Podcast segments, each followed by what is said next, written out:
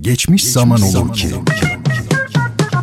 Tarihin en ilginç olayları ve en renkli kişileri bu programda. Bertan Rona tarafından hazırlanıp sunulan Geçmiş Zaman Olur ki sizleri her hafta şaşırtıcı konularla dolu bir tarih sohbetine davet ediyor. Geçmiş Zaman Olur ki her pazartesi ve her cuma saat 21'de Samsun'un Gerçek Radyosu'nda. Geçmiş Zaman Olur ki başlıyor. başlıyor.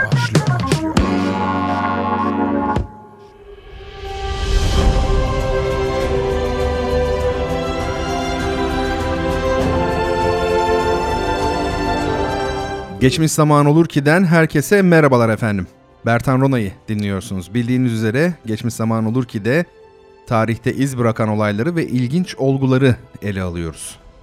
Zaman zaman önemli şahsiyetlere yer verdiğimizde oluyor tabi. Bu akşam da öyle yapacağız ve sizlerle birlikte adı Amerika'nın keşfiyle özdeşleşmiş olan Christoph Kolomb'u ele alacağız. Kolomb'un çocukluğu ve yetişmesi nasıl oldu?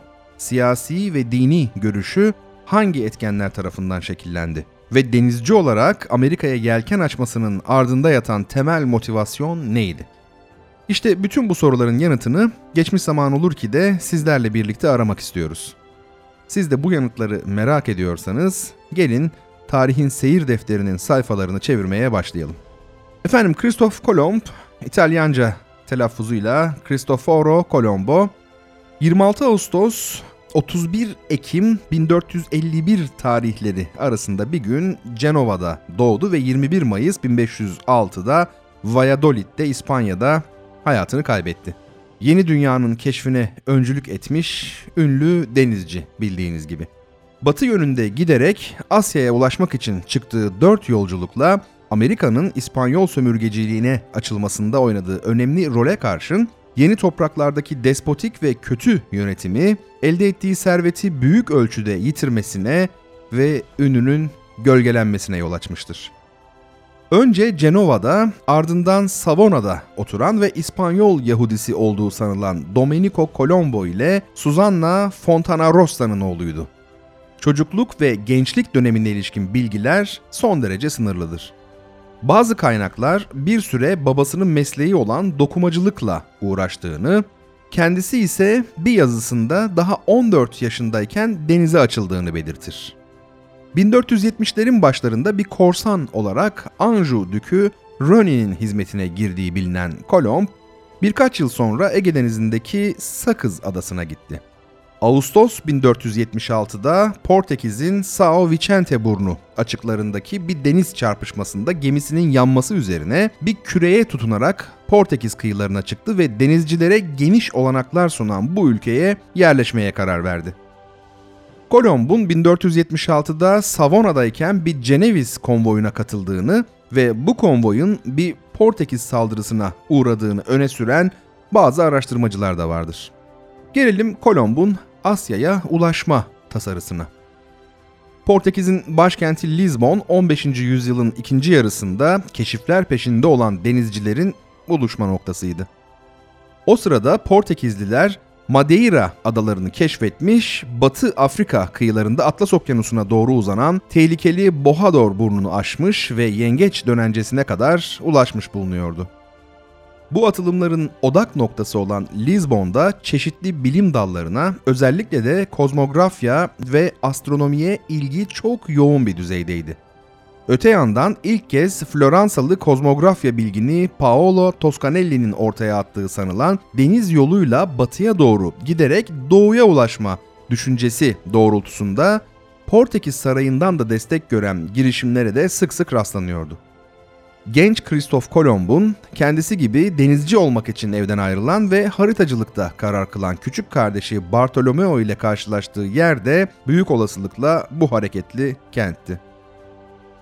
Portekiz'e yerleştikten kısa bir süre sonra bir İzlanda seferine katılan Christoph Kolomb, Avrupa'da Hitay olarak bilinen Çin'e deniz yoluyla gitme düşüncesine bu yolculukta kapıldı. 1478'de varlıklı bir Portekizli aileden gelen Felipa Perestrello e Moniz ile evlendi.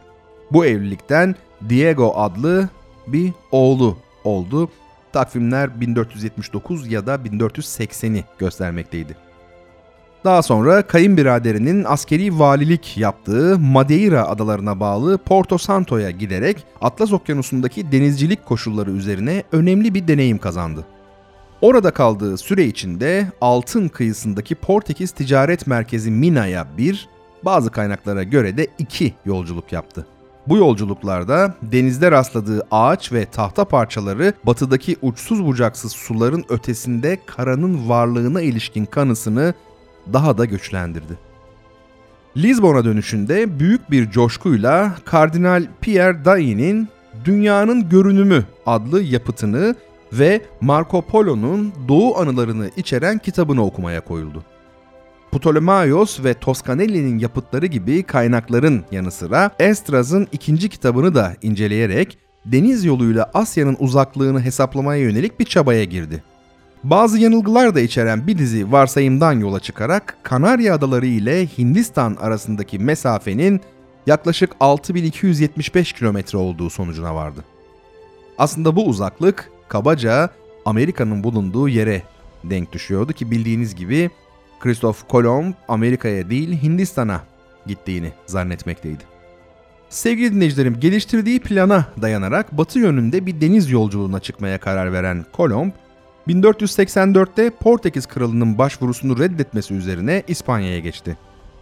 Bazı soylulardan yardım alma girişimlerinin sonuçsuz kalmasından sonra 1486 ilkbaharında Kral Fernando ile Kraliçe Isabel'e önerisini sunma olanağını buldu.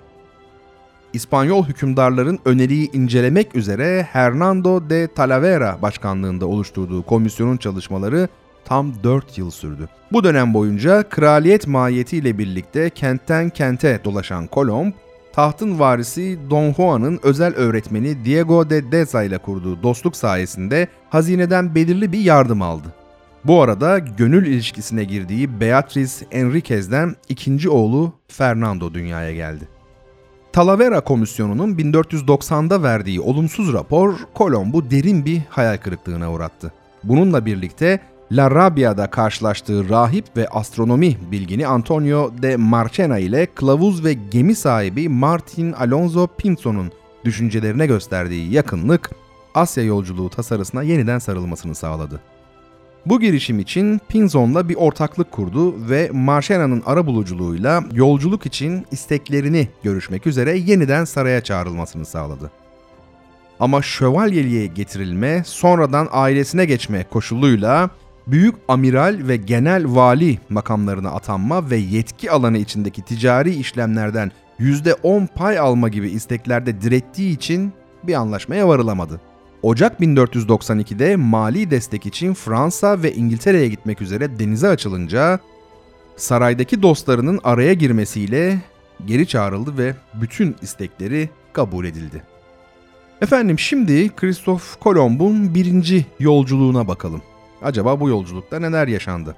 Kolomb'un sefer için hazırladığı küçük filo, güverteli bir gemi olan 36 metre boyundaki Santa Maria ile Pinta ve Nina adlı 15 metre boyundaki iki karaveladan oluşuyordu.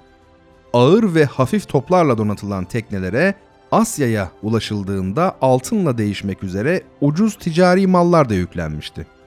Filo mürettebatına da gerektiğinde çevirmenlik yapması için bir Yahudi alınmıştı. Sefer için gerekli mali kaynak Kutsal Kardeşlik adlı tarikatın verdiği para ile Kolomb'un Pinzon'dan aldığı borca dayanıyordu.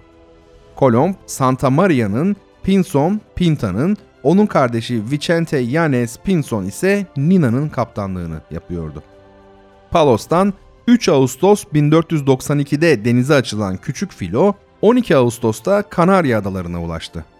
Son hazırlıkların ardından 6 Eylül'de sürekli batı rotasını izlemek üzere yeniden yola çıktı. Bir süre sonra yalnızca gündüzleri yol almaya karar veren Kolomb, zaman zaman kötü hava koşullarında süren ağır yolculuğun ve karanın görünmemesi nedeniyle mürettebat arasında başlayan umutsuzluğun yarattığı kötümserlikten ancak Pinson'un yardımıyla kurtuldu. Ama Pinson'un rotayı güneybatıya çevirme yolundaki önerisini ancak bu yönde uçan kuşların görüldüğü 7 Ekim'de kabul etti. Sonunda 12 Ekim gece yarısı bir gemici Pinta'nın pruvasından karayı gördü. Kolomb'un Şafak'la birlikte Fernando ve Isabel adına bayrak diktiği ve San Salvador adını verdiği bu ada Bahamalara bağlı Guanahan'iydi. Daha sonra ulaşılan küçük adalardaki yerlilerin sözünü ettiği güneydeki büyük adayı yani Küba'yı altın zenginliğinin kaynağı Cipango yani Japonya sanan Kolomb, keşif için gönderdiği heyetten adada geniş tütün tarlalarının bulunduğunu öğrendi. Bunun üzerine kıyı boyunca batıya doğru ilerledi. Şiddetli rüzgarın etkisiyle kaybolan Pinta'yı ararken bugünkü Haiti kıyılarına ulaştı ve güzelliğine tutulduğu adaya İspanyol adası anlamında Espanola, bugün biliyorsunuz Hispaniola e, adını verdi. Yeni adayı kolonileşmeye elverişli bulan Kolomb, 1492 Noel gecesi Santa Maria'nın karaya oturması üzerine bazı adamlarını Villa de la Navidad adlı üste bırakarak 4 Ocak 1493'te elinde kalan Nina ile İspanya'ya doğru yola çıktı. İki gün sonra Pinta'da Nina'ya katıldı. Dönüş yolculuğunun ilk haftalarında hiçbir güçlükle karşılaşmayan iki gemi 14 Şubat gecesi şiddetli bir fırtınada birbirini kaybetti. 18 Şubat'ta Azor adalarının en güneyindeki Santa Maria'da demirleyen Kolomb, 4 Mart'ta Portekiz kıyılarına ulaşmış oldu. Portekiz kralının huzuruna çıktıktan sonra 15 Mart'ta büyük bir coşkuyla karşılandığı Palos limanına girdi. Kolomb'un ardından limana ulaşan Pinzon, İspanyol hükümdarlara Kolomb'un başarısını bildiren bir mektup gönderdikten kısa bir süre sonra öldü. 20 Mart'ta öldü. Kolomb'dan da mektup alan Fernando ve Isabel, Portekiz kralının daha önce harekete geçmesini önlemek için Kolomb'u hemen Barcelona'daki saraylarına çağırdılar. Bu arada papalıktan aldıkları iki fermanla Hint adaları üzerinde egemenliklerinin tanınmasını ve Azor adalarının 345 mil batısından geçen çizgi sınır olmak üzere keşfedilmemiş toprakların iki güçlü İber krallığı arasında paylaştırılmasını sağladılar. Barcelona'ya varan Kolomb, zengin armağan ve unvanların yanı sıra karayı gören ilk gemiciye verilmesi gereken para ödülünü de aldı. Sevgili dinleyicilerim, Kolomb'un Hint toprakları ile ilgili konularda sorumlu kılınan Juan de Fonseca ve öteki krallık görevlileriyle birlikte hazırlıklarını yürüttüğü ikinci yolculuğun temel hedefi koloniler kurarak yeni toprakları ekime açmak, ayrıca Hristiyanlığı yaymaktı. Büyük ölçüde daha önce el konmuş Yahudi ve konverzo mallarıyla finanse edilen bu sefere katılan gemilerin sayısı 17'yi, değişik mesleklerden kişilerin ve Kolomb'un kardeşi Giacomo'nun da Don Diego diğer adı yer aldığı mürettebatın sayısı ise 1000-1500'ü buluyordu. Kadiz'den 25 Eylül 1493'te yola çıkan filo, Kanarya adalarına uğrayarak buradan ikmal malzemeleri ve canlı hayvanlar aldıktan sonra 13 Ekim'de yeniden denize açıldı. Ana karaya ulaşmak için bu kez güneybatı yönünde bir rota izleyen Kolomb, Alize rüzgarlarının da yardımıyla sorunsuz geçen bir yolculuğun ardından 3 Kasım'da Maria Galante'de karaya çıktı. Guadeloupe ve Porto Rico adalarına uğradıktan sonra Espanola'ya geçti. Birinci yolculukta bıraktığı koloninin yerlilerce ortadan kaldırıldığını görünce adanın daha elverişli bir yerinde yeni dünyanın ilk Avrupa yerleşmesi olan Isabella'yı kurdu. Isabella'dan yolculuğun gelişimini ve yeni tasarılarını bildirmek üzere Antonio de Torres'i İspanya'ya gönderen Kolomb, bu sırada kendisini hedef alan bir komployu açığa çıkararak elebaşıları sert önlemlerle sindirdi. Ardından Isabella'yı henüz deneyimsiz olan kardeşi Diego'nun yönetimine bırakarak altın yataklarının bulunduğuna inanılan Kibao bölgesine gitti. 12 Mart 1494. Burada Santo Thomas adıyla müstahkem bir yerleşme kurarak başına Margarite'yi getirdi. 29 Mart'ta Isabella'ya dönüşünde yiyecek sıkıntısı nedeniyle baş gösteren huzursuzluğu gidermek için başvurduğu baskıcı yöntemler dinsel işlerden sorumlu rahip Bernardo Buil ile çatışmaya girmesine yol açtı. Her iki yerleşmede de sorunlar sürerken Küba'da bir keşif dizisi yapmak üzere 24 Nisan'da yeniden denize açıldı. 5 gün sonra Küba açıklarındayken kararını değiştirerek güneye yöneldi ve 5 Mayıs'ta Santiago adını verdiği Jamaika'ya ulaştı. Yolculuğunu batı yönünde sürdürerek Küba kıyılarını 240 kilometre kadar izledikten sonra Küba'nın ana kara olması gerektiği sonucuna vararak geri dönmeye başladı. Evangelista adını verdiği Juventud adasına uğrayarak ve Jamaika'nın güneyinden geçerek 29 Eylül'de Isabella'ya vardı.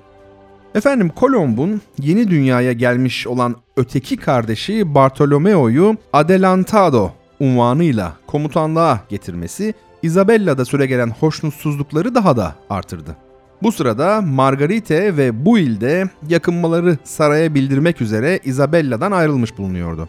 İspanya'dan dönen Torres'in İspanyol hükümdarlardan getirdiği destekleyici mektuplardan cesaret alan Kolomb, yerlilerin rahat durmadığını öne sürerek Mart 1495'te bir cezalandırma seferine girişti. Gerçekte yerlileri köleleştirmeye yönelik olan seferin başarıyla tamamlanmasından sonra Torres'i ve kardeşi Diego'yu 500 kadar yerli tutsakla birlikte İspanya'ya gönderdi.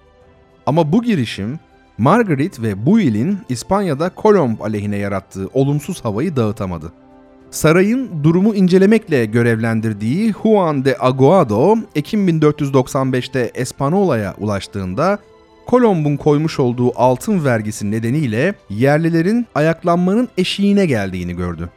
Aguado ile girdiği yetki çatışmasında büyük ölçüde yıpranan Kolomb, Bartolomeo'yu valiliğe atadıktan sonra adada inşa edilen bir karavelayla 10 Mart 1496'da İspanya'ya doğru yolculuğa çıktı. Birkaç haftayı yolu üzerindeki adalarda kalarak geçirdikten sonra 20 Nisan'da okyanusa açıldı ve 11 Haziran'da Kadiz'de demirledi.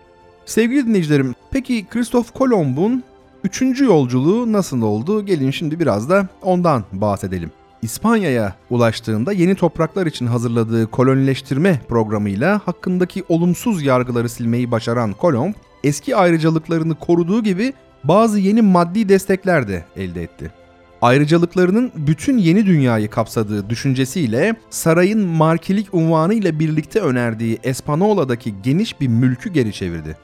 Mali güçlükler nedeniyle hazırlıkları ancak 30 Mayıs 1498'de tamamlanan 3. yolculuğuna 6 gemiyle Sanlukar'dan başladı. Kanarya Adalarına ulaştıktan sonra 3 gemiyi doğrudan Espanola'ya göndermeye ve öteki 3 gemiyle güneybatı rotasını izlemeye karar verdi. Cabo Verde yani Yeşilburun adalarına uğrayarak bir süre Sao Tiago'da demirledi. Burada daha güneyde bazı adaların varlığından söz edildiği için 13 Temmuz'a değin güney yönünde ilerledi ardından batıya döndü. Amazon'un ağzına 4 günlük bir mesafeye ulaştığında rotasını değiştirdiği için ana karaya koşut olarak yol almaya başladı. Ana karayı bulma umudunu yitirerek rotayı kuzeye çevirme emri verdiği bir sırada 3 doruğun yükseldiği bir kara parçasını gördü. Trinidad adını verdiği adanın çevresinde dolaşarak Paria körfezine girdikten sonra ana karaya ayak bastı. Ama çıktığı yeri yeni bir ada sandığından bir an önce Küba'ya ulaşmak üzere yeniden denize açıldı. Körfeze büyük miktarda tatlı su boşaldığını görmekle birlikte bunu armut biçimli olarak tasarladığı yerin tepesindeki dört efsanevi cennet ırmağından birinin ağzına ulaştığı biçiminde yorumladı. Bu arada Paria Yarımadası'na çıkan bir ekibin inci gerdanlıklar takmış yerli kadınları görmesi doğuya ulaşıldığının bir kanıtı olarak İspanyollar arasında büyük heyecan uyandırdı. Kolomb Espanola'ya vardığında Isabella'ya alkalde olarak atamış olduğu Francisco Rolda'nın adanın güneybatısındaki Ixaragua'da bulunan kardeşlerine karşı baş kaldırdığını gördü. Uzun çabalardan sonra çeşitli ödünler vererek ayaklanmayı bastırdı. Bu sırada Paria'daki incileri duyarak keşif izni alan Alonso de Ojeda'nın küçük bir filonun başında Eylül 1499'da Espanola'ya ulaşması Kolomb'a yeni güçlükler çıkardı. Ojeda'yı karşılamak için gönderilen Roland'ın Ixaragoa'daki karışıklıkları bastırmak için Kolomb'un emriyle giriştiği baskılar Kolomb'un İspanyol sarayındaki konumunu iyice sarstı. Kolomb'un kötü yönetimine ilişkin haberler üzerine sarayın Espanola valisi ve baş yargıcı olarak geniş yetkilerle donattığı Francisco de Bobadilla Ağustos 1500'de Santa Domingo'ya vardı. Bu sırada adanın her yanına yayılmış olan ayaklanmayı sindirmek için Kolomb, Concepcion'da, Diego Santo Domingo'da, Bartolomeo'da, Ixaragoa'da geniş çaplı idamlara girişmiş bulunuyordu. Santo Domingo'yu zorla ele geçiren Bobadilla, Kolomb kardeşleri tutuklatarak İspanya'ya götürmek üzere gemiye bindirdi. İdam edilmekten çekinen Kolomb, yolculuk boyunca kendisine iyi davranılmasına karşın zincirlerinin çözülmesini reddetti. Kasım 1500'de zincirli olarak Kadiz'de karaya çıktıktan sonra saraydan yakınlık görmekle birlikte yeni dünyanın yönetiminin elinden alınmasını önleyemedi. Bunun üzerine yeni topraklar üzerinden bir geçit bularak Kudüs'ü ele geçirmeye yönelik bir sefer için saraydan izin almaya çalıştı. Efendim aslında Kolomb'un dört yolculuğundan sonuncusu yani dördüncü yolculuğu bu koşullar altında şekillendi. Bobadilla'nın yerine atanan Nicolas de Ovando'nun yola çıkmasından birkaç ay önce Ekim 1501'de sefer hazırlıklarına başlayan Kolomb 4 gemi satın aldı ve yeni bir mürettebat oluşturdu. En büyük oğlu olan 21 yaşındaki Diego'yu temsilcisi olarak sarayda bırakırken 13 yaşındaki Fernando'yu yanına aldı. Bu arada Espanola'ya uğramak için izin alma girişimi sonuçsuz kaldı. 9 Mayıs 1502'de ise yine Kadiz'den yola çıktı. Gene Kanarya Adaları üzerinden okyanusa açılarak 15 Haziran'da Matinino adını verdiği adaya ulaştı ki biliyorsunuz bu adanın günümüzdeki ismi Martinik. Daha sonra krallık yasasını çiğneme pahasına Santo Domingo'ya yöneldi. Bobadilla'nın el koyduğu mülklerini geri verme emri verilmiş olan Ovando'nun kendisiyle görüşmemesi üzerine Jamaika'ya geçti. Filosundaki bir ayaklanmayı bastırdıktan sonra Honduras kıyıları boyunca ilerleyerek 14 Temmuz'da Gracias a Dios burnuna ulaştı. Adamlarının disiplinsizliği, yerlilerin saldırıları, yiyecek sıkıntısı ve şiddetli fırtınalar nedeniyle büyük güçlükler içinde geçen bir yıllık yolculuğundan önemli bir sonuç elde edemedi. Sonunda bitkin ve terk edilmiş olarak Jamaika'da bir koya sığındı. Takvimler 23 Haziran 1503'ü gösteriyordu. Ovando'nun gönderdiği iki karavelayla Espanola adasına giderek dönüş yolculuğuna başladı. Kasım 1504'te eklem iltihabından kötürümleşmiş olarak Sanlukar'da karaya çıktı. Güçlükle sürdürdüğü bir yolculuğun ardından Mayıs 1505'te Segovya'da Kral Fernando'nun huzuruna çıktı.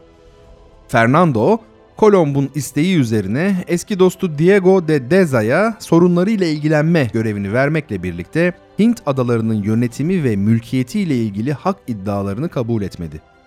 Bu arada yolculuklarına ilişkin anılarını yazan Kolomb, hastalığının giderek kötüleşmesi üzerine Valladolid'de vasiyetini yazdırdı ve iki gün sonra da öldü. Aynı yerde gömülen cenazesi 1513'te Sevilla'daki bir manastıra taşındı. 1542'de mezarından çıkarılan kemikleri ise Espanola'ya götürülerek Santo Domingo Katedrali'ne gömüldü. Sevgili dinleyicilerim bir geçmiş zaman olurkenin daha sonuna geldik. Bu bölümde konumuz adı Amerika ile özdeşleşmiş olan ve hemen hepimizin çok iyi bildiği ünlü denizci ve kaşif Christoph Kolomb'tu. Kolomb'u sizlere Ana Britannica ansiklopedisinden yararlanarak anlatmaya çalıştık. Umarız başarılı olmuşuzdur efendim. Bendeniz Bertan Rona. Geçmiş zaman olur ki sizin için hazırlayıp sunuyorum. Programımı her hafta pazartesi ve cuma akşamları saat 21'de Radyo Gerçek'te dinleyebilirsiniz. Böylece tarihin bazen ilginç, bazen önemli olaylarla ve kişilerle dolu olan galerisini benimle birlikte gezmiş dolaşmış olursunuz. Tekrar bir arada olabilmek dileğiyle. Esen kalın.